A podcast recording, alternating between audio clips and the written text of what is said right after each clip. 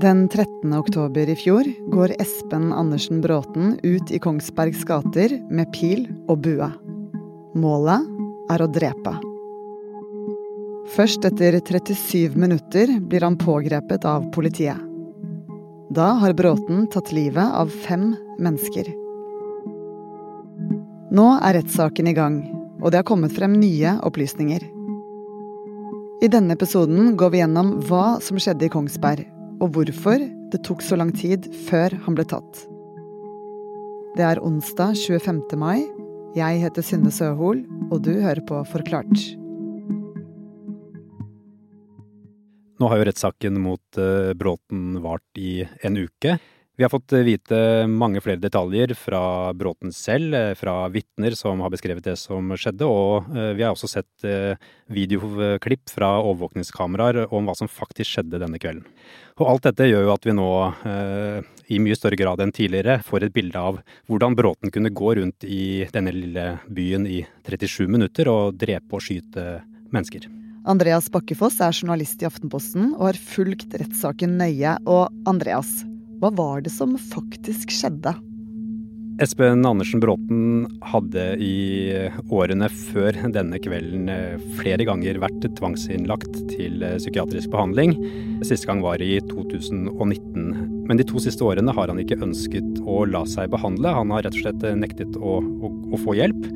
Så når Bråten går ut døra denne kvelden, så er han ubehandlet for paranoid schizofreni. Han er faktisk veldig syk. Da klokka er eh, noen minutter over seks, så går han ut døra, kun iført en hvit eh, singlet, eh, en mørk grønn bukse og svarte sokker. Han går altså ut døra uten å ta på seg sko. Han har med seg pil og bue med rundt 60 piler i beltet. Noen av disse pilene har han lagd selv, og de har sånn ståltupp foran. Han tar også med seg eh, fire kniver, og hans mål er å drepe flest mulig mennesker i Kongsberg denne kvelden. Hva er grunnen til at han vil det, da? Det Bråten har sagt i retten eh, og forklart seg om der, er at han eh, fryktet at han kom til å bli blind.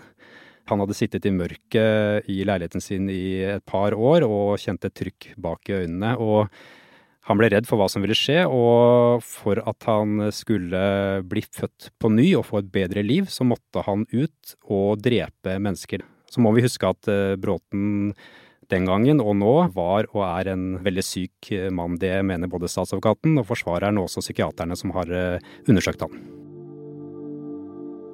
Bråten går mot en butikk i nærheten, og i retten forteller han at det er fordi her er det mange mennesker. På veien møter han en kvinne, og det er da, klokken 18.10, han fyrer av sin første pil. Han bommer og fortsetter videre mot butikksenteret. For å komme inn til denne butikken i Kongsberg, så må han gjennom et sånn garasjeanlegg. Og i dette parkeringshuset så prøver han også å skyte en kvinne, eh, men bommer igjen. Og det er først da Bråten går inn i butikken at eh, politiet får eh, det første nødanropet fra eh, fortvilte mennesker som, som nå ser hva som er i ferd med å skje. Og Andreas, hva skjer inne i matbutikken? Han skyter piler mot egentlig alt han ser av bevegelse. Han bykser frem mellom potetgullposer og bleier og, og suppeposer, og, og, ønsker egentlig å finne flest mulig folk å skyte piler mot. og både gjennom vitneforklaringene og også det vi ser på eh, videokameraene fra butikken, så kan man se eh, Bråten nærmest småløpe litt og hoppe litt fram mellom disse reolene med matvarer. Flere av de som var i butikken på dette tidspunktet, blir jo skutt etter og, og, løper i panikk til alle kanter og prøver å komme seg vekk med Bråten jagende etter dem. Men når er det politiet skjønner alvoret i denne situasjonen? Det er jo blant de første som ble skutt etter, som da ringer til eh, operasjonssentralen til politiet. Politiet virker eh, litt sånn usikre på hva dette er i starten. De spør om, eh, om det er en ekte pilotbue, er du sikker på at det ikke er et leketøy, er det, er det farlig? Tilfeldigvis er en kunde som kommer inn i butikken, en politimann som ikke er på jobb på det tidspunktet. Han blir truffet av en pil i ryggen, og det er først når han ringer kollegaene sine at alvoret synker inn. Samtidig går alarmen hos politiet i Drammen. En by med langt flere politifolk, men som ligger et stykke unna. De sender forsterkninger. Og klokken 18.17, syv minutter etter at første pil er skutt, får politiet ordre om å bevæpne seg og ta på verneutstyr som hjelm og skjold. Førsteprioritet er å stoppe gjerningsmannen før alt annet. Også før de tar seg av skadede. I Kongsberg denne kvelden så er det to politipatruljer på jobb. De to politifolkene som kommer dit først, øh, velger ikke å ta på seg verneutstyr. De ønsker å komme så raskt som mulig inn i butikken og forsøke å stoppe gjerningspersonen. Skulle de tatt på seg utstyr, så ville det kanskje tatt en to-tre minutter. De mener det er viktigere å komme seg raskt inn i butikken og avverge at han eh, kan skyte mot flere mennesker. De tar seg inn i butikken. Han første har en eh, maskinpistol, eh, og kollegaen bak har en pistol. Så fort de kommer inn til kasseområdet ved inngangen ved butikken, så får de en pil fra Bråten sendt rett mot seg. og Det gjør at eh, politiet rykker litt tilbake, begge to, blir litt skremt. Eh, så prøver de å finne ut hvor Bråten er, eh, og så kommer det enda en pil. Når man ser inn i en sånn butikk fra kasseområdet, så er det jo uoversiktlig med masse hyller. Politifolkene vet jo ikke om det er andre folk inne i butikken. Så, så, hele situasjonen er nok litt uoversiktlig for dem, og de blir beskutt. Hvorfor brukte ikke politiet våpen eh, mot Bråten, eller prøver å ta han? Ja, Det er jo et av de mest sentrale spørsmålene som har blitt hengende litt i luften, i hvert fall fram til rettssaken startet. Og nå vet vi jo mer om hva som var grunnen til at ikke de gjorde det. Politifolkene som gikk inn, sa jo at eh, de, de var redde. De eh, kjente på en dødsangst. Men de var også redde for uh, hva de ville treffe hvis skuddene gikk gjennom veggen på utsiden av gaten. Hvor mange folk var det der? Var det andre folk i butikken? Så de hadde masse spørsmål som kverner rundt i hodet om hva som ville være konsekvensen av å skyte da. Etter hvert skjønner jo de to politifolkene at de ikke klarer å uh, få stoppet Bråten. Uh, de må allikevel tilbake for å ta på seg beskyttelsesutstyr, hjelm, finne skjold. Skal de ha noen sjanse for å kunne uh, ta han. Det tar kanskje halvannet minutt å, å, gjøre det, og de trekker seg ut av butikken for å ta dette utstyret på seg. Og mens politiet skifter til verneutstyr, så går Bråten ut nødutgangen på siden av butikken og forsvinner.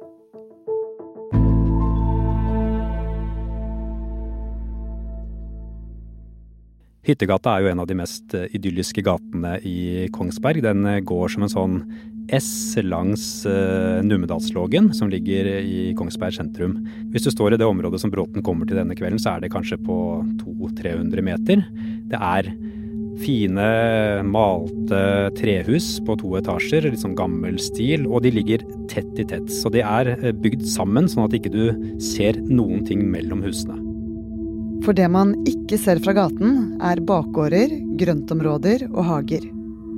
Og det er her Bråten enkelt kan bevege seg fra hus til hus, usett. Klokken 18.25 går han inn i huset til 79 år gamle Gunn Marit Madsen. Pil og bue er byttet ut med kniv. Han tar seg inn i huset til Madsen, og hun har ingen sjanse til å overleve hans brutale angrep, og dør nærmest med en gang. Deretter så går han ut igjen eh, i hennes eh, bakgård og, og tar seg eh, ned til dette store grøntområdet, eller skogholtet, opp til atelieret til 56 år gamle Hanne Merete Englund. Englund blir drept på svært brutalt vis inne i atelieret sitt mens hun står og, og, jobber. Han tar seg inn i huset hennes også for å lete etter flere mennesker, finner ingen og går ut igjen. Når han står der i bakgården til eh, Engelund, så eh, tar han et valg om å gå ut eh, i portrommet og ut mot hyttegata igjen. Og dette er jo første gangen på lang tid han faktisk viser seg ute i gata. Idet han skal gå ut, så kommer det tredje offeret, Andrea Maier. Hun skulle sannsynligvis på besøk til Engelund og, og, blir brutalt drept og stukket med kniv av Bråten. Har heller ingen sjanse til å komme seg unna. Det lille øyeblikket ute i gaten er lenge nok til at et vitne ser den 38 år gamle drapsmannen. Klokken er nå 18.41. Politiet, som på dette tidspunktet har fått forsterkninger fra Drammen, har ennå ikke fått et eneste glimt av Bråten i Hyttegata. Drapsmannen forsvinner bak husfasaden igjen og går inn i en ny bolig. Der bor Liv Berit Borge, som denne kvelden har besøk av Gunnar Saue. Bråten knuser ruta til verandadøra for å komme seg inn. og De legger på sprang gjennom leiligheten og forsøker å komme seg ut mot utgangsdøra som går ut mot Hyttegata. De kommer seg så vidt ut eh, utgangsdøra før Bråten eh, får tak i dem og dreper dem. Nå er klokken 18.45. Politipatruljene som er til fots i Hyttegata, hører et skrik, snur seg, og så ser de en kraftig mann i hvit singlet. Espen Andersen Bråten har ansiktet rett mot politiet, omtrent 50 meter unna. Og politiet roper at Bråten skal stoppe, overgi seg. Men han løper isteden over gata, og politiet beiner etter ham og prøver å, å stanse han, bl.a. med en eh, hund. Bråten løper inn i en mørk bakgård på andre siden av eh, gata, inn i et portrom. Og da politiet prøver å rope på han, si at du må overgi deg, politiet er her, eh, du kan bli skutt hvis ikke du kommer frem, vis frem hendene dine, så kaster han en kniv mot en av politimennene. Det er først da en av politifolkene skyter et varselskudd mot Bråten i mørket i denne bakgården, at han stopper opp. Han blir helt stiv, legger seg ned og overgir seg. 37 minutter etter at den første pilen ble skutt, pågrep politiet Espen Andersen Bråten. Og på 37 minutter drepte han fem mennesker. Andreas, hvorfor brukte politiet så lang tid?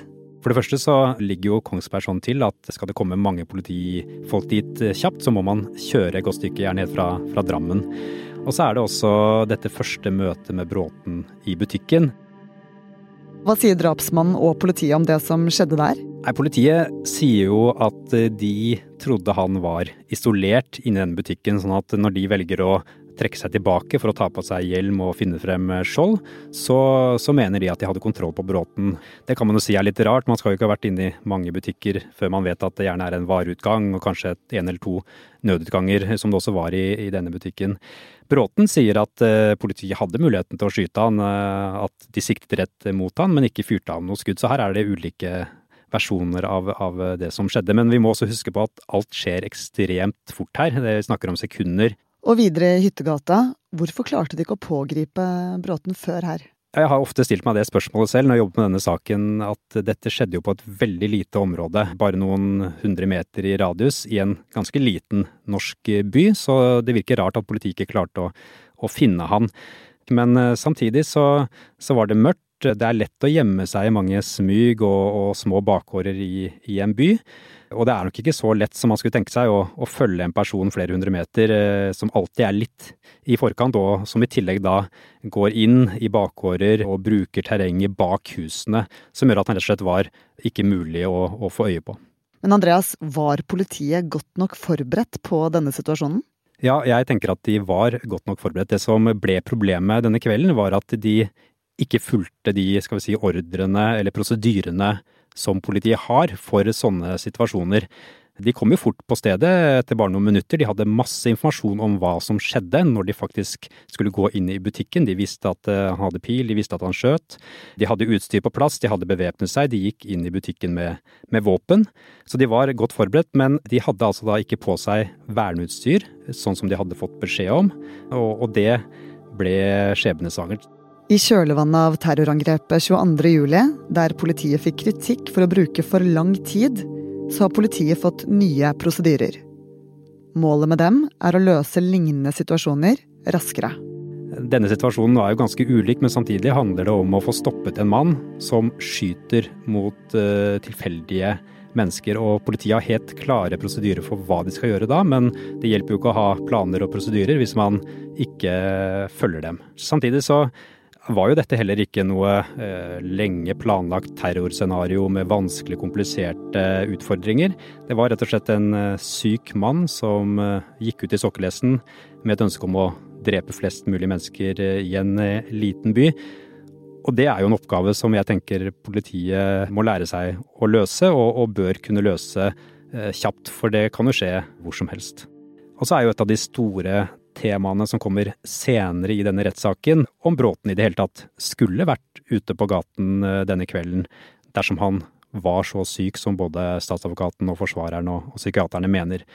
Han var jo syk nok åpenbart til å drepe fem mennesker i den tro at han skulle bli født på ny, men han var ikke syk nok til å bli tvunget til helsehjelp. Og det er nok en debatt som eh, vil komme i kjølvannet av denne saken, for det er mange som ikke skjønner hvordan det er mulig.